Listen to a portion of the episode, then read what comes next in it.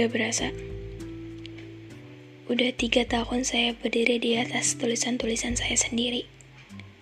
Dengan pemikiran-pemikiran random malam itu.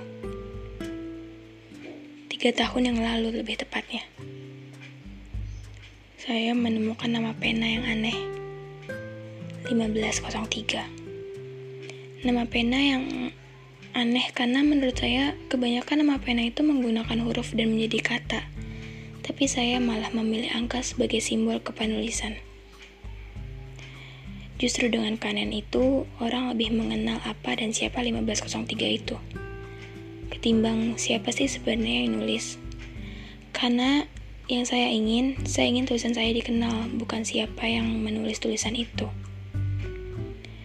Udah tiga tahun, tiga tahun berusaha buat nggak pedulin omongan orang. Berusaha buat keluar dari zona nyaman saya. Dan jujur itu berat banget. Karena nggak ada yang lebih sulit buat mengerti siapa diri kita sendiri.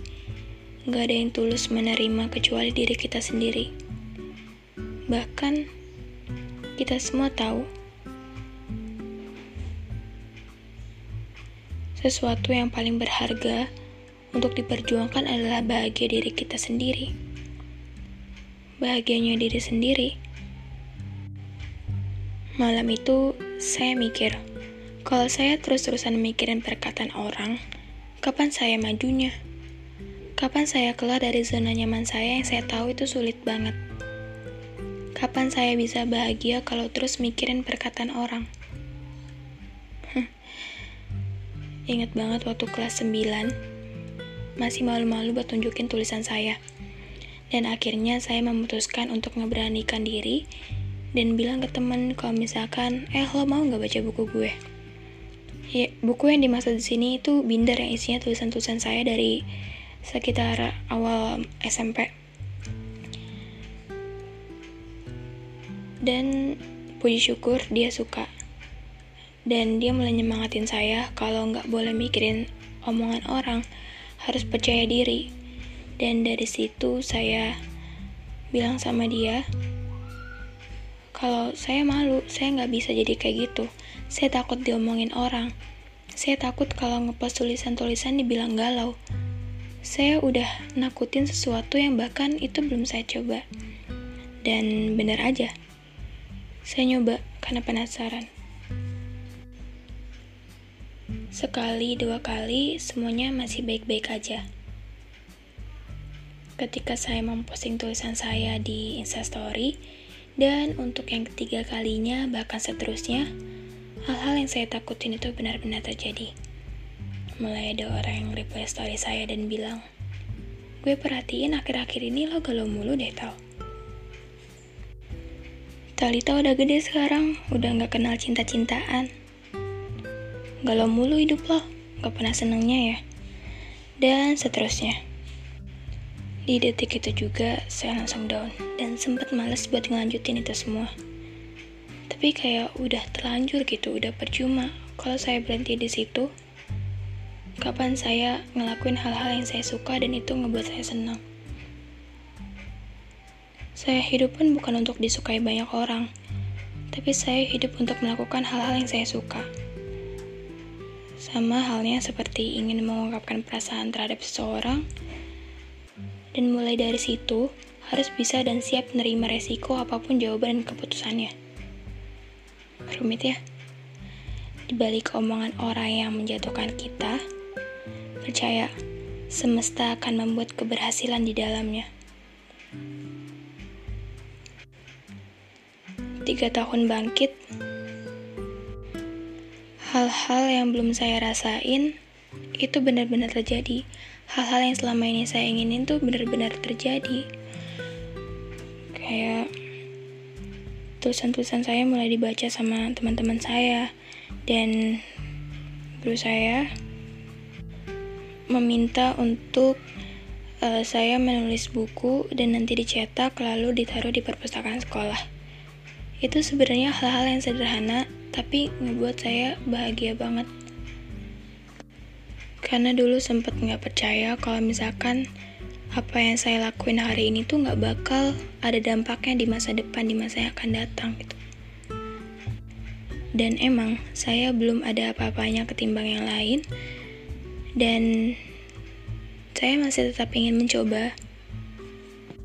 Bahkan setiap hari saya rela harus dikatain atau dibilang kayak lo galau mulu sih tal padahal sebenarnya galau tuh manusiawi loh. Galau kan bukan cuma tentang kisah asmara tapi galau tentang uh, milih lo mau ke mana milih lo mau jadi apa gitu kan. Semua orang berhak kok galau. Semua orang berhak memposting hal-hal yang ingin dia posting. Mungkin dengan begitu dia ingin mewakili perasaan kalian semua, bukan dia lagi merasakan hal-hal itu. Jadi, sekalipun ada orang yang galau, ya udah biarin aja gitu. Itu hak-hak dia buat galau. Dan kita sendiri kalau mau galau, ya udah galau aja, nggak usah mikirin omongan orang gitu. Orang galau itu juga buat diri kita, toh selama itu nggak ngerugiin orang, fine-fine aja kan buat dilakuin. Pertama kalinya saya bikin podcast nggak disusun dulu mau ngomong apa. Dan maaf banget kalau misalkan hal-hal yang saya omongin tuh agak sedikit nggak nyambung. Karena ini asal ngomong. Dan khusus di podcast ini, saya pengen ngebacain uh, buku yang udah saya print sendiri. Judulnya ada kita dalam kata. Kenapa saya buat judul itu? Karena cuma di tulisan doang, cuma di kata-kata doang, aku, kamu, bisa jadi kita. Di real life pun gak bisa, gak bisa kalau aku sama kamu itu dijadiin kita. Saya baca secara random aja ya.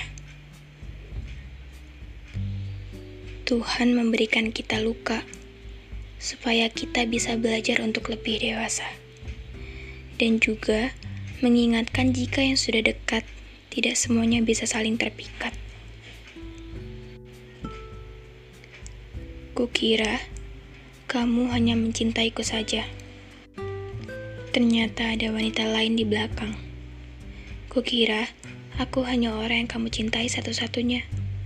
Ternyata ada wanita lain yang membuat dirimu senang. Kamu sangat istimewa sampai membuat aku lupa akan luka yang ada. Kamu sangat istimewa. Kau tutupi lukaku dengan tertawa. Kamu sangat istimewa. Aku sungguh bahagia.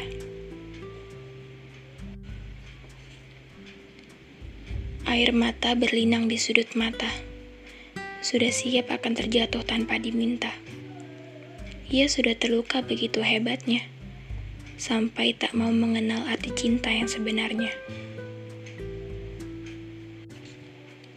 Kupikir setelah kamu pergi, sakit yang membekas di hati ini juga ikut pergi.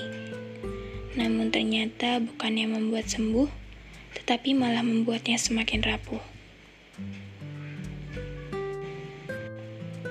Ia selalu tidak mengerti apa yang terjadi, hanya berkata namun tak memberi solusi membuat aku makin percaya jika ia telah mengikari janji. Janji untuk selalu mengasihi dan menyayangi. Tak ada cara jitu, tak ada cara cepat untuk melupakanmu, untuk mengikhlaskan apa yang sudah terjadi, apa yang sudah kita lalui. Karenamu, ku takut untuk jatuh cinta lagi. Karenamu, ku belajar dari pengalaman sendiri bahwa mencintai tak harus memiliki dirimu sudah tak berarti lagi. Sini kembali padaku. Hati puanmu sebenarnya sudah lama mati.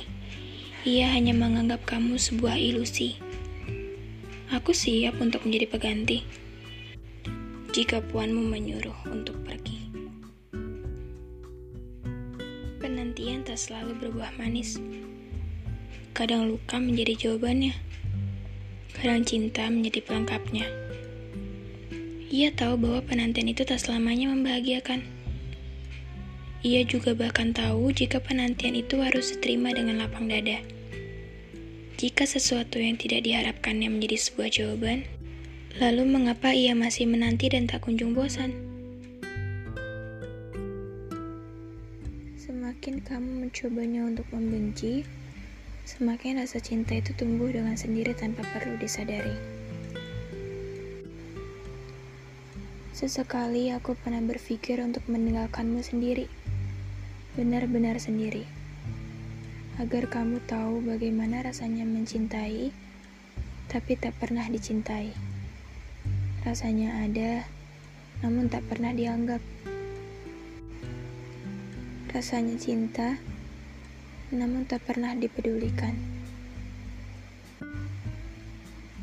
Kita adalah sepasang manusia yang terlahir tidak untuk bersama melainkan rasa yang dipisahkan karena sadar akan keberadaan yang tak lebih dari seorang teman yang tak seiman.